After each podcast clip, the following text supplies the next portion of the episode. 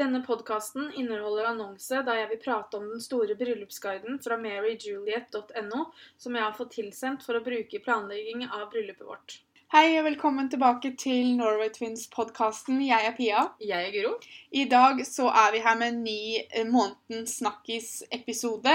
Og bare for å oppklare litt, for jeg tror det ble noen misforståelser etter forrige måned. Månedens snakkis kommer til å være det vi kaller det istedenfor månedens favoritt. Så altså det er én ting som jeg og Guro har likt spesielt godt, eller én ting vi har lyst til å snakke om. Det må ikke nødvendigvis være en aktuell sak som andre har snakka mye om, men det er noe vi har lyst til å snakke om.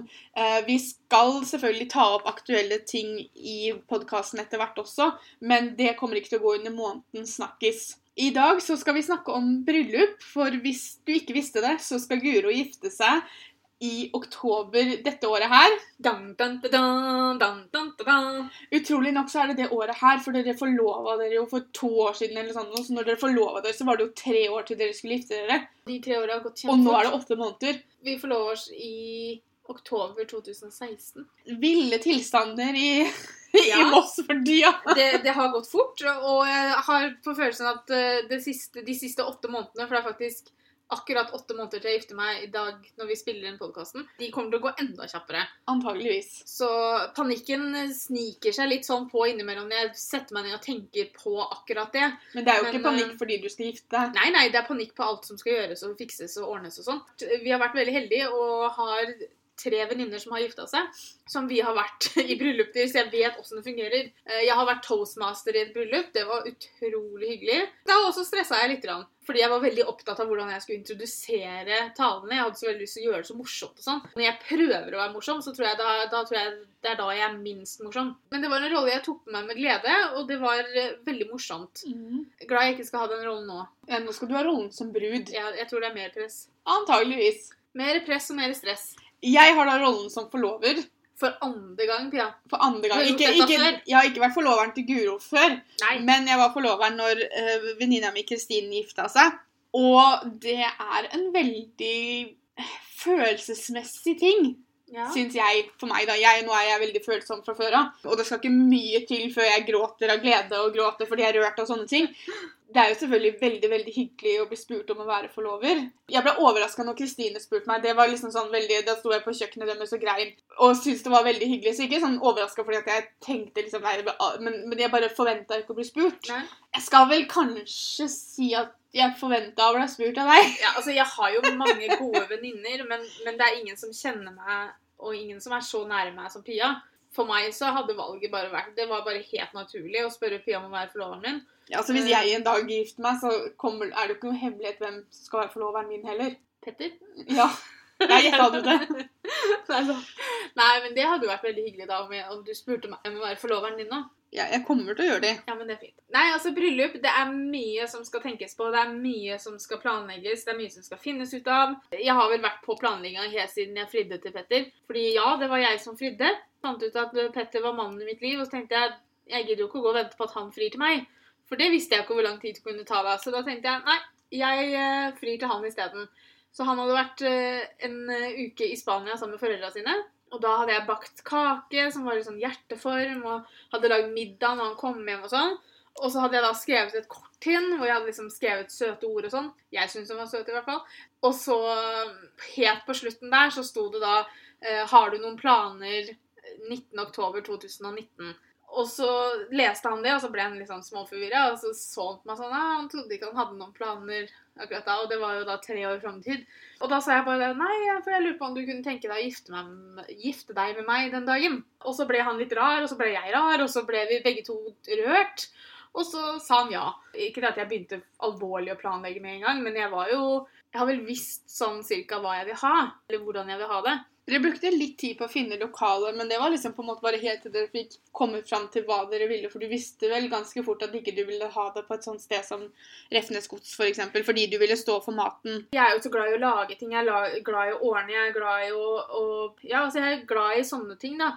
Så jeg visste ganske fort at jeg hadde lyst på et lokale hvor vi kunne ordne maten selv, ordne drikke selv, At ikke ordne selv. maten selv. Ikke det- at vi skal lage maten og drikka, eh, men at vi, kan ha, at vi kan få et cateringfirma til å komme med det sjøl. At ikke selve lokalet står for det. Mm. Eh, og jeg ville stå for pyntinga selv, og jeg ville ordne alt mulig sånn selv, selv om det er jo mer jobb. Det, det går på det at det er litt billigere, pluss at som sagt, jeg liker å holde på med sånne ting.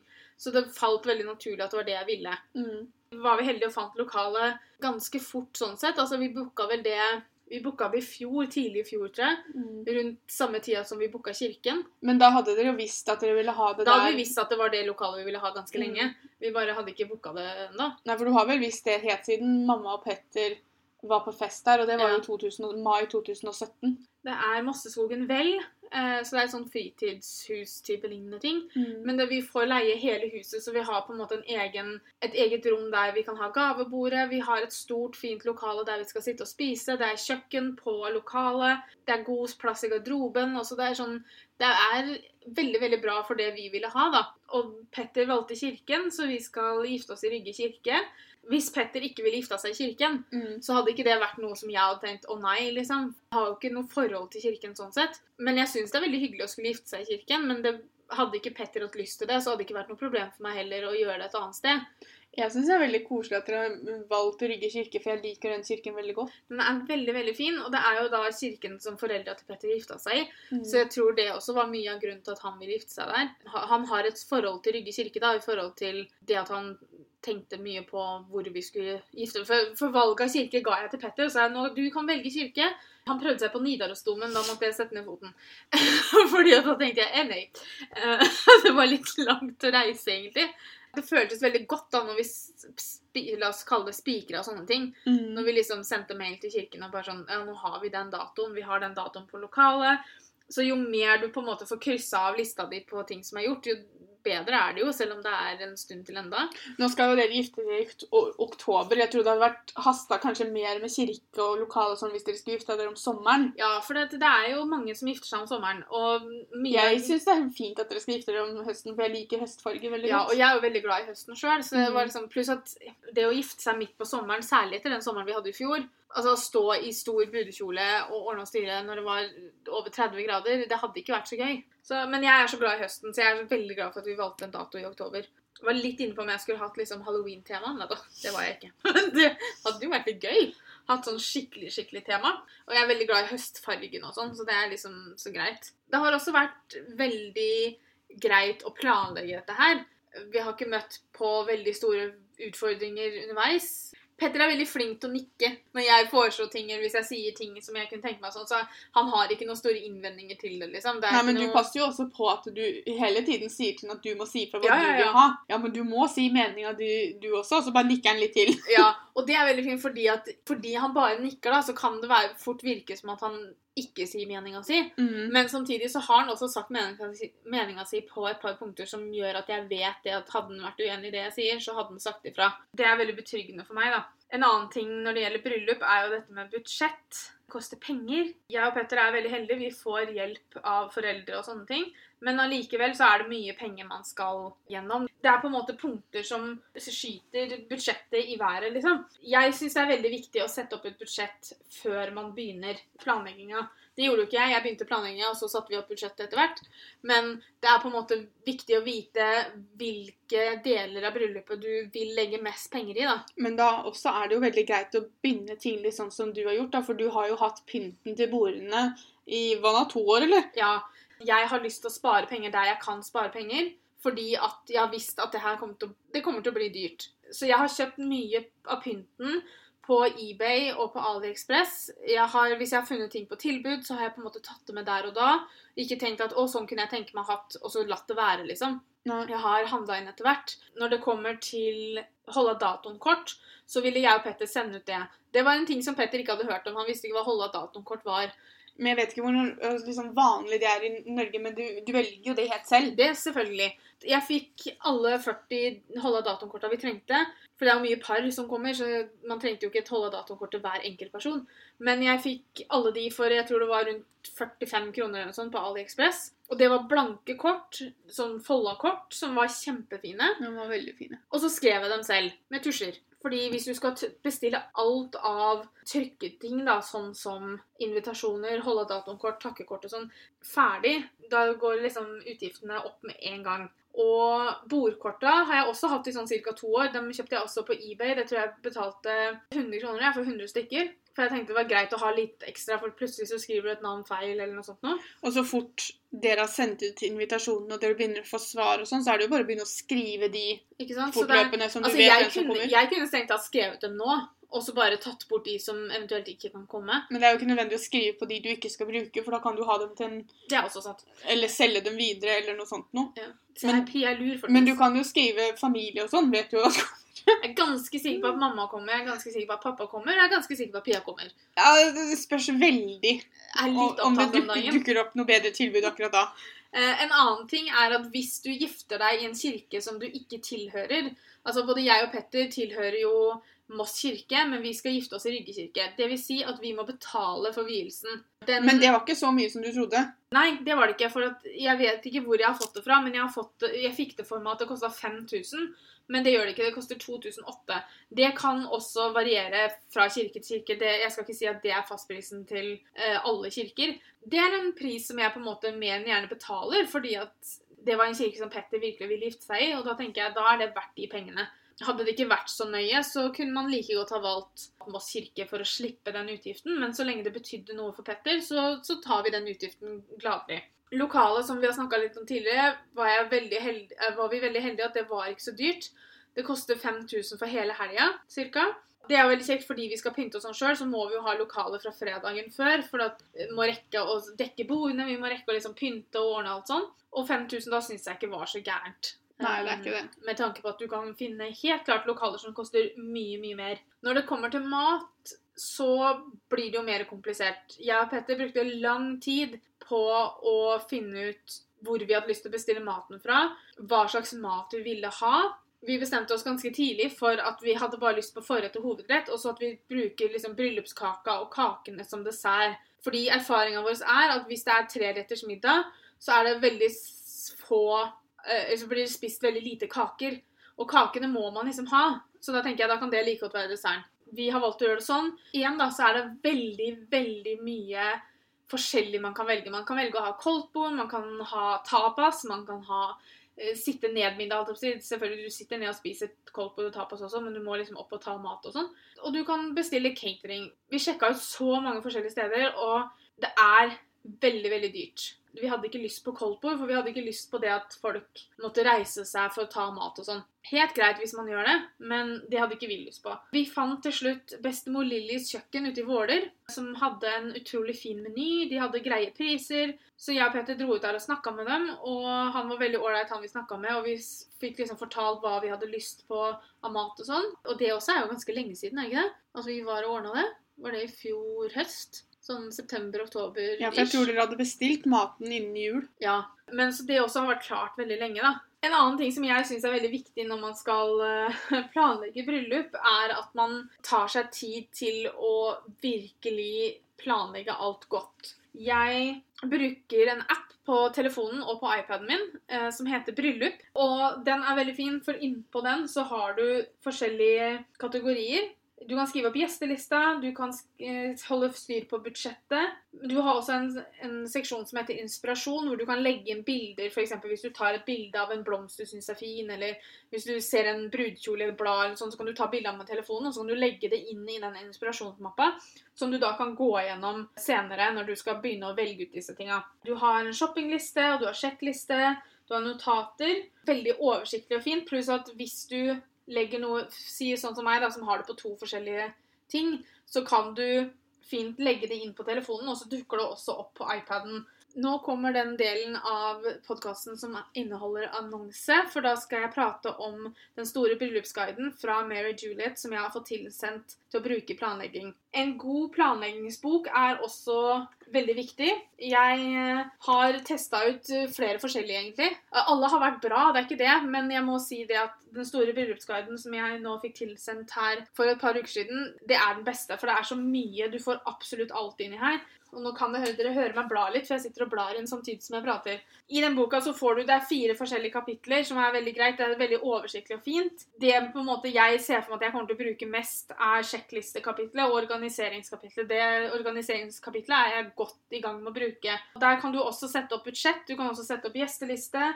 Og så er det veldig sånn detaljert. altså Du har en egen side bare for vielsen, hvor du kan skrive opp programmet og sånne ting. Du har for selve bryllupsdagen Du kan skrive inn liksom tidsskjema fra liksom når du står opp, når du skal spise frokost. altså Det er veldig detaljer, da. Jeg vet ikke om jeg kommer til å være så godt planlagt. Det må være Pia sin jobb. Pia, du må få meg opp av senga og sånn. Og gi meg frokost og Ja, frokosten skal jeg ordne. Du får komme deg opp av senga sjøl. Det er også en veldig kjekk side hvor du kan skrive opp oversikten over alle kontaktpersonene du har. Kontaktpersonen som du har angående kjolen, lokalet, maten, kanskje de som skal hjelpe til på kjøkkenet. Altså det er veldig, alt står på ett sted, noe som er utrolig, utrolig bra. Og sjekklistene, der, du, der får du 18 måneder til 8 måneder før bryllupet. Så må du huske på å ordne det her.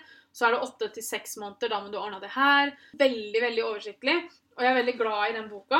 Jeg er en sånn person som liker sånne ting. ikke sant? Jeg liker å fylle ut ting, jeg liker å skrive det ned, det jeg skal huske på. sånn. vi er jo, Når vi planlegger ting, så skriver vi jo lister. Det er jo sånn vi holder det oversiktlig. Det er sånn vi får gjort alt vi skal gjøre, fordi du har det svart på hvitt mm. hva du må gjøre. For ellers så er det et eller annet du glemmer hele tida. Og så liker jeg den følelsen av å liksom stryke ut det du har gjort, eller krysse av eller liksom, huka. huka mm. For da, da, ser du framgangen på det, liksom. Ja. Du ser at det skjer ting. At det går framover.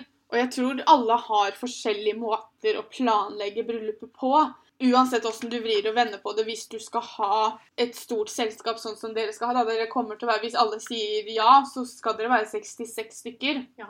Viss oversikt og en viss organisering må til, for ellers så blir det bare kaos. Og jo mer du får gjort nå, eller jo mer du får gjort tidligere, jo mm. bedre er det jo. Ja. Men så er det jo også visse ting du faktisk ikke får gjort før bare dagene før, da. Jeg tror jeg kommer til å ha problemer med å slippe kontrollen på selve dagen. Det å slippe det at OK, er alt i orden? Orden, liksom. Er mm. maten kommet? Men det er ikke ditt ansvar. Nei, jeg vet det. Fordi at men... du kommer til å ha folk på den dagen som er ansvarlig for disse tinga. Du, har, ja. du har fått kjøkkenhjelp, som er en venninne av mamma, som kommer til å ta seg av det. Hun skal passe på at maten kommer. Hun skal passe på at uh, fruktspyda blir satt fram til gjestene mens dere blir tatt bilde av. Hun skal passe på at folk får noe å drikke. Så mm. har du toastmasteren som står for som har ansvaret for alt det andre når det gjelder lokalet. Det at ja. uh, det er vann i vasen til brudebuketten din. Folk vet når dere kommer. Den oppgaven du har den dagen, er å dukke opp, si ja, ja høyt og tydelig, og så kose deg. Ja. Fordi at alle andre oppgaver, uansett hvor små de er, uansett hvor mange det er, så er det alltid en eller annen som har rollen til å ta seg av det. Ja. Jeg skal ta meg av deg. Trine skal ta seg av lokalet og festen. Elin skal ta seg av kjøkkenet. Jeanette skal ta seg av Petter. Og så har du foreldre som alltid kommer til å hjelpe til. ikke sant?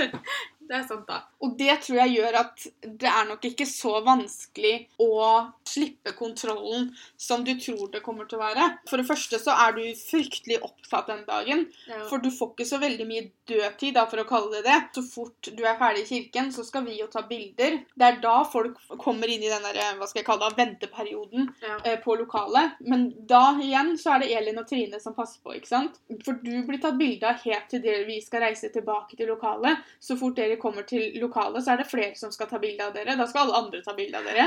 Og så setter man seg faktisk ned.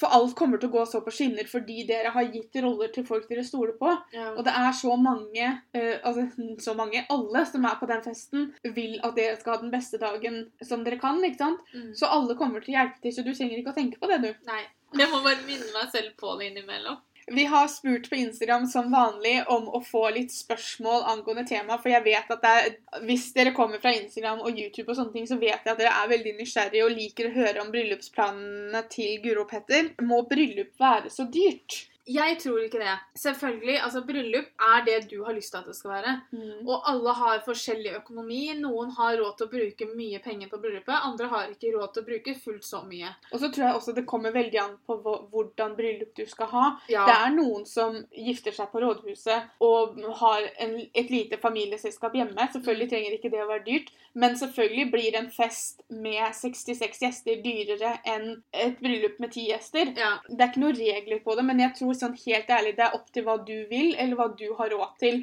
Det fins jo ting du kan gjøre for at bryllupet skal bli billigere. Mm. Absolutt. Det å kjøpe brukt brudekjole er veldig veldig lurt hvis man er på jakt etter en brudekjole til litt mindre pris. Mm. Eller sånn som jeg gjorde, jeg dro til Nordic Wedding Store and Outlet i Årgjeng i Sverige. For der har de alle slags prisklasser. Nå har du jo nevnt brudesalongen der du har kjøpt kjolen din, så da kan du kanskje snakke litt om at du har kjøpt deg kjole. I fjor så var vi jo og prøvde sammen med Maria, men da på en måte var jeg så veldig fokusert på det at Maria skulle finne seg kjole, for hun skulle, skulle gifte seg først. Så jeg prøvde noen kjoler da, og syntes de var fine og sånn, men jeg falt liksom ikke, jeg falt ikke spesielt for én da når vi var der da. Så var vi igjen nå 9. februar. Da hadde jeg med meg mamma, Pia, svigermor og Maria og Mari. Og jeg prøvde vel en seks-sju kjoler. Det viste seg også at jeg plukka ut en som jeg hadde prøvd forrige gang, og det var kjolen jeg valgte.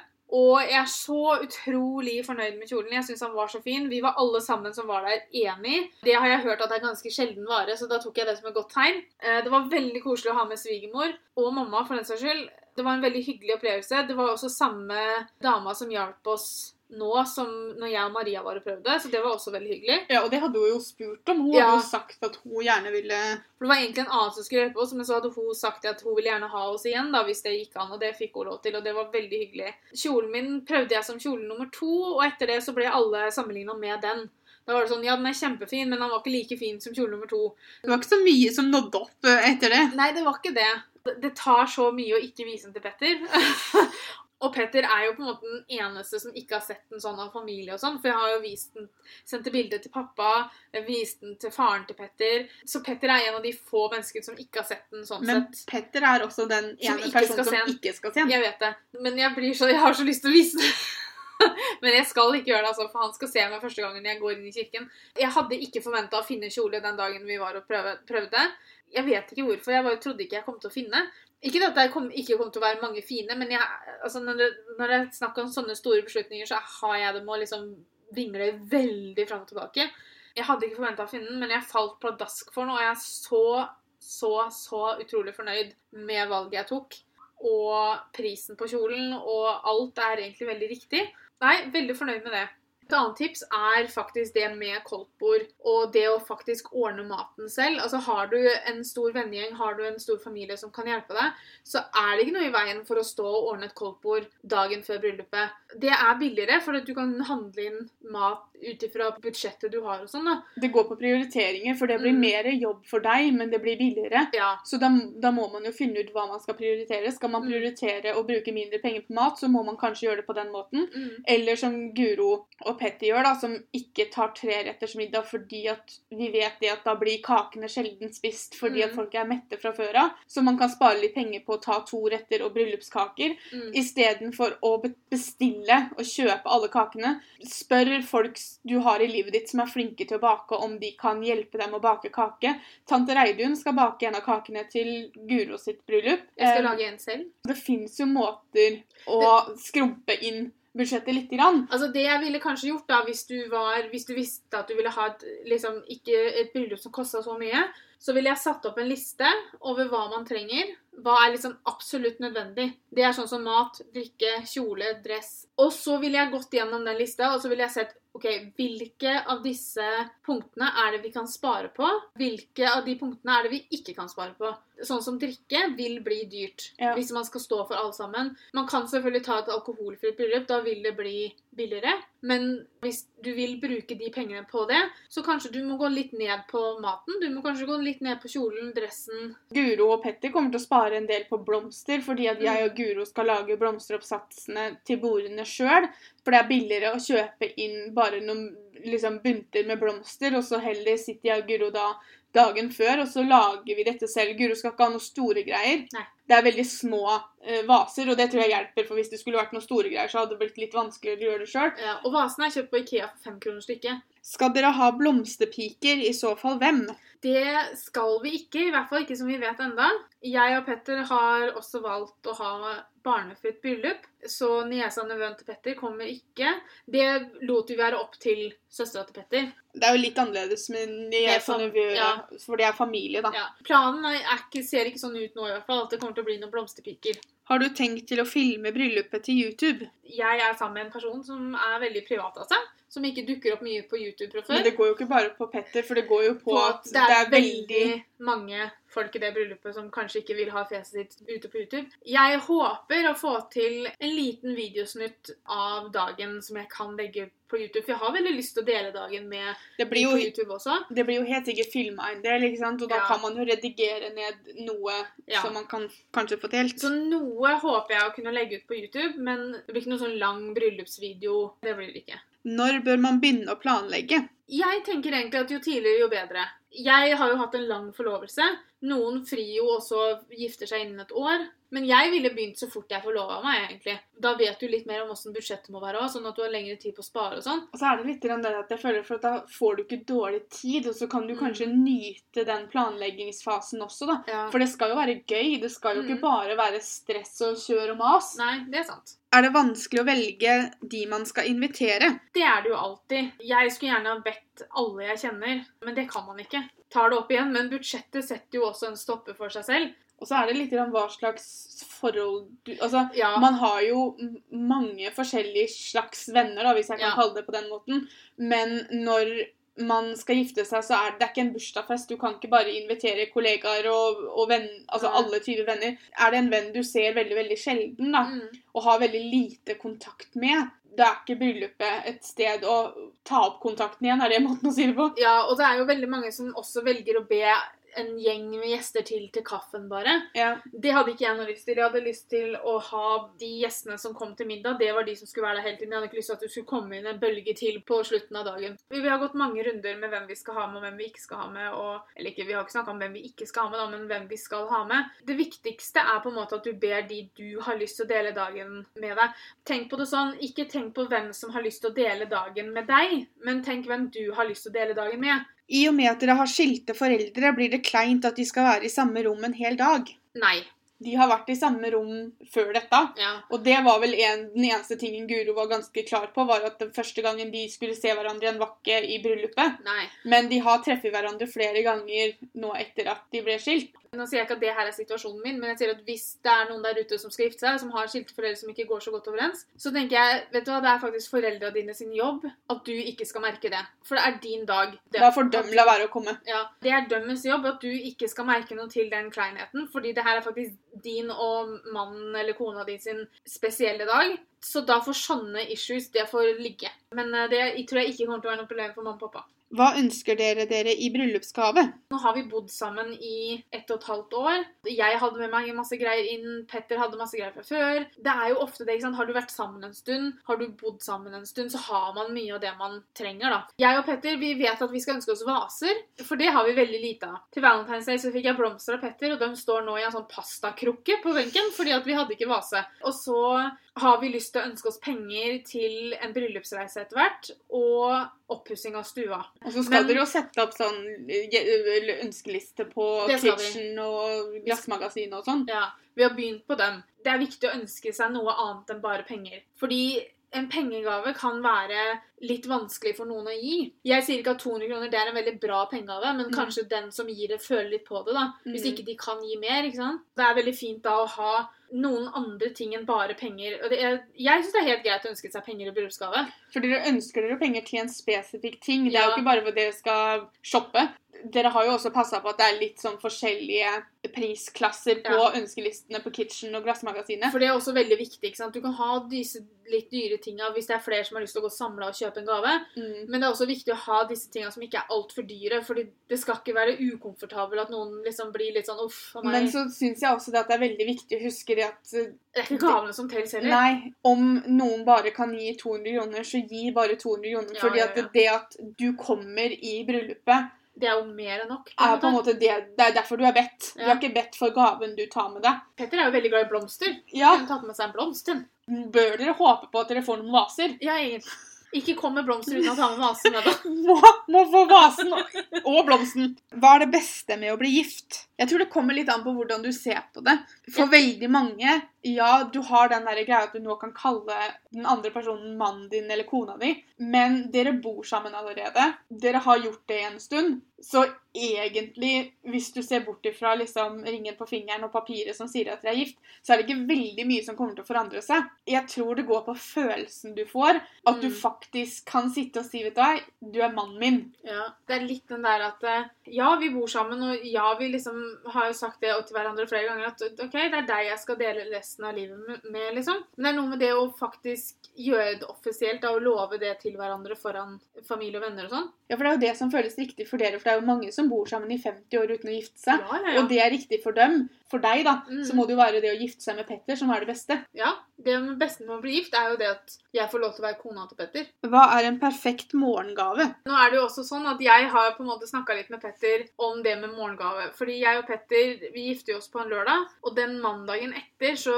tenker vi at jeg og Petter tar en liten tur til London, bare for å få noen dager borte. Og det er jo ikke Og- bryllupsreisa deres. Nei, det er ikke bryllupsreisa. Det er bare sånn Uhu, vi er gift, nå må vi roe oss ned-tur. Så jeg har foreslått for Petter at istedenfor å gi hverandre morgengave, så skal vi heller legge de pengene til side, og så skal vi heller, kan vi kjøpe en gave til hverandre mens vi er i London. Vi har på en måte sagt nei til morgengave, vi da. Det kommer jo på, an på personen som skal få den, for det det er jo ingenting som er perfekt gave for alle. Nei. Det veldig vanlige med morgengave er jo å gi kona si et smykke eller et armbånd eller noe sånt. Jeg bruker jo ikke sånt i det hele tatt. Så det hadde jo ikke vært perfekt for deg. Nei. Nei, vet du, det er så vanskelig at jeg tror ikke jeg har noe svar på det, faktisk. Jeg. Uansett hva jeg hadde fått av Petter, unntatt smykker og armbånd og sånn, hadde vært perfekt. Fordi Petter er veldig flink til å gi gaver sånn sett. Han, er, han tenker veldig mye igjennom det og sånn. Han kan det med å gi gaver. Ja. Det ser man rundt jul og sånne ting. For det mm. første så bruker han lang tid på å virkelig tenke gjennom hva han skal gi deg. Ja. Og så stresser han litt med å faktisk få tak i det,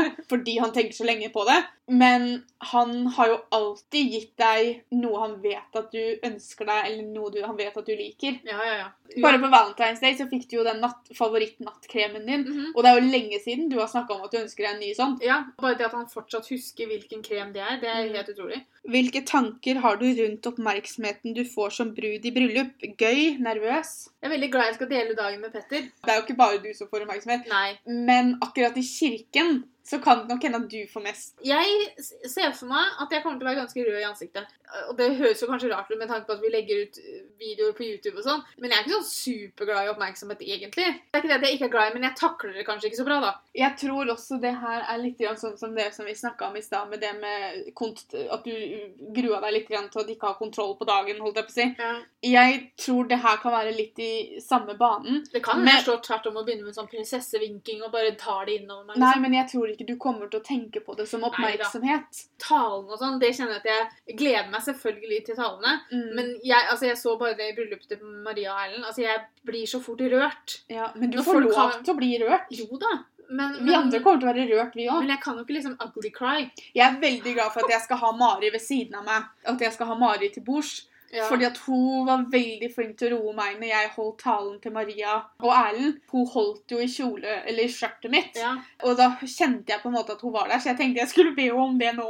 Kan ikke du bare holde meg i skjørtet? For meg, da, som ikke liker sånne situasjoner i Mm. det hele tatt, så er det veldig beroligende det med kroppskontakt. Bare mm. den lille greia som var med at hun holdt meg i skjørtet, holdt jeg på å si, så var det noe som roa meg veldig. Jeg tror nok det blir gøy, men jeg er jo litt nervøs også for dagen. Men ikke nødvendigvis for oppmerksomheten, men bare for selve dagen. Bryllupsdagen din er nok en dag du har alle mulige følelser på én mm -hmm. gang, så jeg tror det kommer til å være veldig vanskelig for deg å liksom, Hvis noen hadde spurt deg midt oppi dette her, ja, hva føler du nå? Så tror jeg da Selvfølgelig så vet du at du er kjempelykkelig, Mm. men jeg tror å gå noe mer spesifikt inn på følelser tror jeg hadde blitt veldig vanskelig. Hva er den ene tingen man må ha i et bryllup utenom menneskene og bryllupsklær? Mat må man ha! Bra stemning. Ja. Det er et vanskelig spørsmål, for at jeg har vært forlova, men jeg har ikke vært gift før. Men jeg tror det at uansett hvordan du vrir og vender på det, det viktigste med bryllupsdagen din er at den du skal gifte deg med, dukker opp. Ja. Men det er menneskene du får dele Mm. det med. Ja. Til og med bryllupsklær. altså Man kan gifte seg i hvem som helst kjole. ja. Men det er menneskene du skal dele dagen med, som er viktigst. Det er sant, det. Det er vel egentlig ikke et spørsmål, men det står 'must haves'. Altså hva er nødvendigheter til dagen? Gode sko. Å gå inn skoa først. Ja. Det sa Helene i går, og det har hun et poeng i. Ikke ta på deg helt nye sko idet du tar på deg kjolen for første gang. Nei. Men så er det også da viktig at forloveren din har plaster, Mhm. og det skal jeg passe på at jeg har. Ja. Hodepinetablett kanskje kan være greit å ha, tilfelle følelser og sånn tar litt overhånd. Maskaraen din, leppeproduktet, kommer nok til å ha ikke noen bag, liksom, men jeg kommer til å ha en litt stor veske. Det kan jo være greit å ha noen sånne sminkeservietter tilgjengelig. Ja. I tilfelle du begynner å gråte og så maskaraen renner litt, så kan du liksom fikse opp i det og ta på deg ny. Batteri på telefon, for det er det man tar bilder med. ja. Så ha med ekstra, sånn ekstra lader. Eller bare lader, så det kan jo være kontakter der, så du kan jo putte den i kontakta òg. Kamera eventuelt. Mamma har jo sagt det at hun husker jo ingen av talene fra bryllupet sitt, fordi at Mm. du, du har så mye inntrykk og mye følelser og sånn. Så jeg har veldig lyst til å ta opp alle ta eller filme alle talene, sånn at jeg, jeg og Petter kan sitte og se på det etterpå og liksom virkelig på en måte høre på hva som blir sagt, da. Så tror jeg det er viktig at du har talen din skrevet ned. Om du ser på den så mye når du, når du skal holde den, så er det, men det er greit å ha den skrevet ned. Ja, for plutselig så tar følelsen overhånd, og så står du der og så eh, Hvor var jeg nå, ja? Så det er veldig greit at forloverne til egentlig begge to har på en måte en litt sånn emergency kit med Ja. diverse stæsj, sånn Mm. at man kan være forberedt på enhver situasjon, egentlig. Burde man vente med sex til ekteskap? Det også er veldig indu individuelt. Det er jo et veldig personlig valg. Ja. Om man velger å gjøre det, så syns ikke jeg det er noe gærent i det. Ikke Har vi gjort det? Nei. Nei. Men hvis det er det rette valget for deg, så Mm. selvfølgelig gjør du det. Det også tror jeg det er viktig at Hvis du er sammen med en person som sier at de vil vente til ekteskapet med sex, så må man respektere det. Man kan argumentere da med liksom OK, men hva om sexen er dårlig? Og så bare sånn det, Den flyten finner man, liksom. Og så er det litt det at første gangen du har sex, uansett om det er første gangen din i det hele tatt, eller første gangen med den personen, da. Ja, Det kommer alltid til å være litt sånn keitete og awkward første gangen. ja. Eh, Men man kommer jo inn i en rytme sammen. Mm. Altså, ja, ikke sant, det er det som er. Og er det noe som på en måte Så jobber man med å fikse det, liksom. Mm. Altså, Jeg syns ikke det er noe god noen grunn til å ikke gifte seg med en person. nei. Altså, jeg hadde aldri gjort det slutt med noen hvis sexen var dårlig, liksom. For er du glad i en person, så er du glad i en person. Eh, så Og det, det kan løses på en Ja, så det må man ta en eh, avgjørelse om selv. Altså, Jeg skal ikke fortelle hva som er riktig og galt. Det har ikke jeg noe med å si til folk. Hvordan holde seg innenfor budsjettet? Altså, Jeg skjønner at det kan være vanskelig. Nå Mm. har jeg bare sett på en måte, For du hadde vel egentlig satt deg et budsjett på 100 000, og dere måtte jo gå litt over. Nå var Ja. du veldig optimistisk på visse steder. Det var jeg. Fordi du satte deg et budsjett før du egentlig undersøkte hvor mye ting kom til å koste. Ja. Det går jo også litt på det at har du ikke mer enn 100 000 å bruke, så får du ikke brukt mer enn 100 000 heller. Nei. Men det er, sånn som Guro snakka om i stad, å se over lista over hva dere skal skaffe, hva dere må ha, Mm. og finne ut hvilke områder kan du spare på. Ja. Sånn som vi er heldige, for vi kan kjøre til Sverige og kjøpe brus, f.eks., og Mm. det er billigere enn å kjøpe det her. Og så tenker jeg også det at ok, Du setter opp en liste over hva du må ha til, eller hva du vil ha og hva du må ha til bryllupet. Setter opp en cirkasum du vil bruke på det, og sier at du har toppgrensa di er 100 000, og du ikke kan gå over det. Så vet man det. Så når man da har satt opp et budsjett, si at du har satt opp 30 000 til mat, da, og så blir maten 35 000 så vet du at ok, men da må jeg finne en måte å få 5000 ut av noen av de andre punktene. Har du satt opp et budsjett på bryllupskjolen til 10 000, og drømmekjolen liksom koster 13 så tenker jeg da kjøper du drømmekjolen, og så, du, så får du liksom finne ut av de 3000 en annen gang. ikke sant? Altså Da må du ta den fra et sted. Så du klarer det, men det, det er bare det å være streng med seg sjøl. Det er en oppgave Det er det. å få det til å gå opp. Yep. Å holde seg under. Det er, det er noe man virkelig må jobbe for. Ja, og igjen så kan det derfor være greit å begynne litt tidlig. Mm. Fordi hvis du sprer utgiftene litt mer, sånn som jeg, jeg har, jeg har brukt eh, mye penger på pynt og sånn, men jeg har spredt det utover. Mm, Så det er, ikke, det er ikke en sånn stor utgift som plutselig kommer. Farger, dekor, blomster. Ja, altså farger, der har jeg liksom gått for høstfarger, så det blir hvitt. Litt uh, oransje toner, det blir litt sånn vinrød, litt gult. Ikke sånn knæsjgult, men litt sånn Solsikkegul. Ja, altså jeg hadde tenkt å si møkkete gul, men det høres jo ikke noe koselig ut. Nei, men du skal jo ha solsikker utafor lokalet. Ja, og kanskje brunt, litt grønt. Altså, det er så mange farger jeg har tatt. Ja, for temaet deres er jo på en måte høst, så Ja. det, det går jo mye farger innunder der. Dekor, der har jeg også Jeg er ikke en sånn person som skal ha det pynta fra topp til tå, liksom. Altså, det er, eh, til bordene så har jeg kjøpt noen sånne telysestaker. Jeg har noen små vaser som det skal blomstre i. Så har jeg også kjøpt noen fine bua stativer som jeg kan henge sånne bilderammer på. Så jeg har lyst til å sette bilder av meg og Petter rundt om på bordene. она Jeg har kjøpt noen sånn løper som skal være på kakebordet. Kjøpt noen små skilter som jeg kan skrive hvilke kaker det er som skal stå ved siden av da den aktuelle kaka. Det her er jo sånne ting som det kommer til å komme videoer om på Ja. YouTube, som er litt vanskelig å på en måte forklare i detalj på en podkast. Det kommer til å komme en del bryllupsrelaterte videoer på kanalen vår framover. Blomster, der Solsikker nevnte Pia. Jeg er veldig glad i solsikker. Jeg syns det er en så utrolig fin blomst. Så kommer det til å gå mye i roser, men i roser i forskjellige farger. Det kommer litt an på hva, vi, hva du Jeg sier vi hele tiden, akkurat som jeg, men hva du og Petter velger til disse buntene som vi skal sette sammen til Ja. blomstene til bordet. De har jo veldig fine røde roser og mørke, altså sånne vinrøde Ja, og ikke sant, Petter tenker Fordi til Valentine's Day så fikk jeg en bukett med eh, dyprøde roser. Mm. Og så fikk jeg også en bukett med oransje roser. Mm. Fordi han hadde sett begge de to og tenkt Og det går jo i fargene i bryllupet vårt, så han ville at vi skulle se litt åssen de åpna seg og sånn, da. Ja. Så det blir nok litt oransje type ja, de to roser. fargene var veldig fine sammen òg. Ja, selv om jeg har alltid vokst opp med å høre at oransje og rødt ikke går sammen, men det gjør det. Kanskje litt annerledes når det er vinrødt. Uansett så bryr jeg meg ikke. Jeg tar oransje og rødt sammen, jeg. Sminke og hår, frisør eller fikse selv. Det her er en av de tinga som jeg visste helt, helt fra starten, er at det å få håret ditt fiksa hos frisøren til bryllup, og det å få sminka deg til bryllup, er dyrt. Og her er det jo et punkt som du faktisk sparer veldig mye på. Japp. Jeg sier at jeg skal ordne det sjøl, men det skal jeg jo strengt tatt ikke. Pia skal ordne meg på håret, og Mari skal hjelpe meg å sminke meg. Jeg kommer heller ikke til å gå for full sminke med hudsminke og alt sånn. Kommer til å være maskara, litt øyenskygge og noe leppeprodukt. That's it. Fordi at jeg bruker så lite sminke til vanlig at altså, du vil fortsatt se ut som deg selv, på en ja, måte. og så har jeg lyst til være Jeg har lyst til at huden min skal være løs og ledig. Altså, fri til å puste og sånn.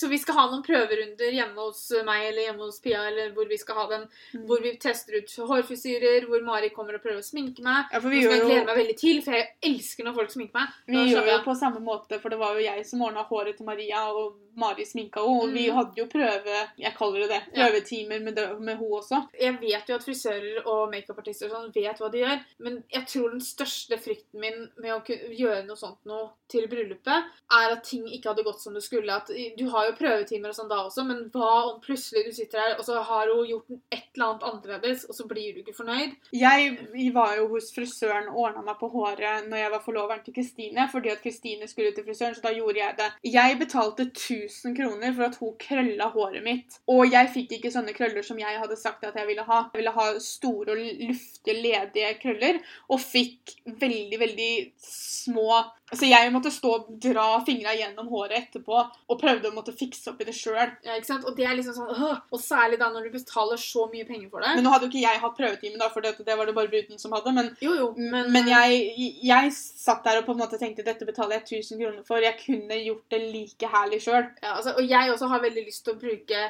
eller ta løse, ledige krøller. Litt sånn halvt opp, halvt ned type ting. Og det vet jeg at Pia er kjempeflink til, så hvorfor i alle dager skal jeg betale Jeg tror ja, for Du hadde nok betalt mer enn det, for Ja. så fort du er bruden, så betaler du enda mer. fordi at Jeg har sett, jeg er medlem av en sånn bryllupsgruppe på Facebook hvor jeg får mye tips. Og sånn Og når de snakker om det med frisør og sminke, og sånn, så er det snakk om 6000-7000 og sånn. Og jeg bare, jeg blir helt svett. Men det her er sånn som skjer når ikke du kjenner noen frisører. skjønner du, for at eh, Jeg har ikke noe imot å gjøre det, men hadde du liksom Du skulle hatt en bestevenninne som var frisør. Det skulle jeg jo. Vennene våre har tatt helt feil utdannelse. Har bare lærervenninner og sånn. Og hjelpepleier og sånn. Hva hjelper det?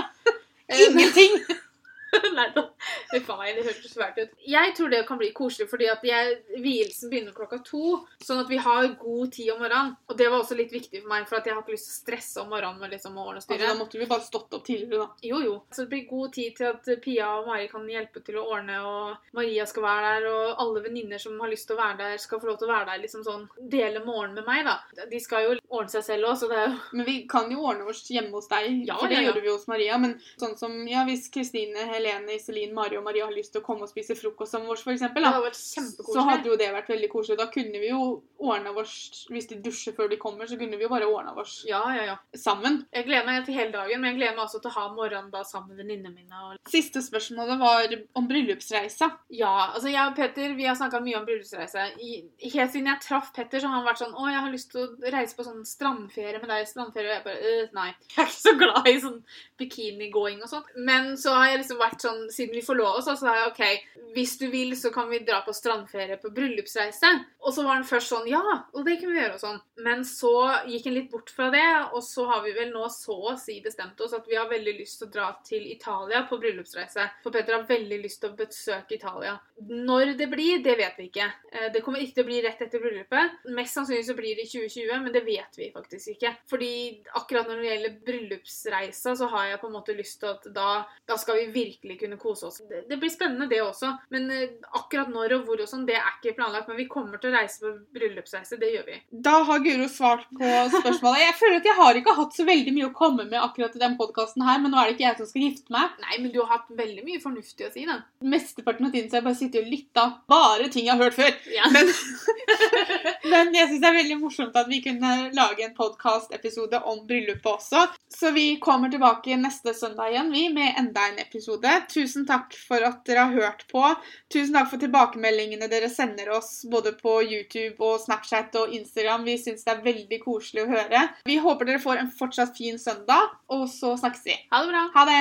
Denne podkasten har inneholdt en annonse da jeg prata om den store bryllupsguiden fra maryjuliet.no, som jeg har fått tilsendt for å bruke i planlegging av bryllupet vårt.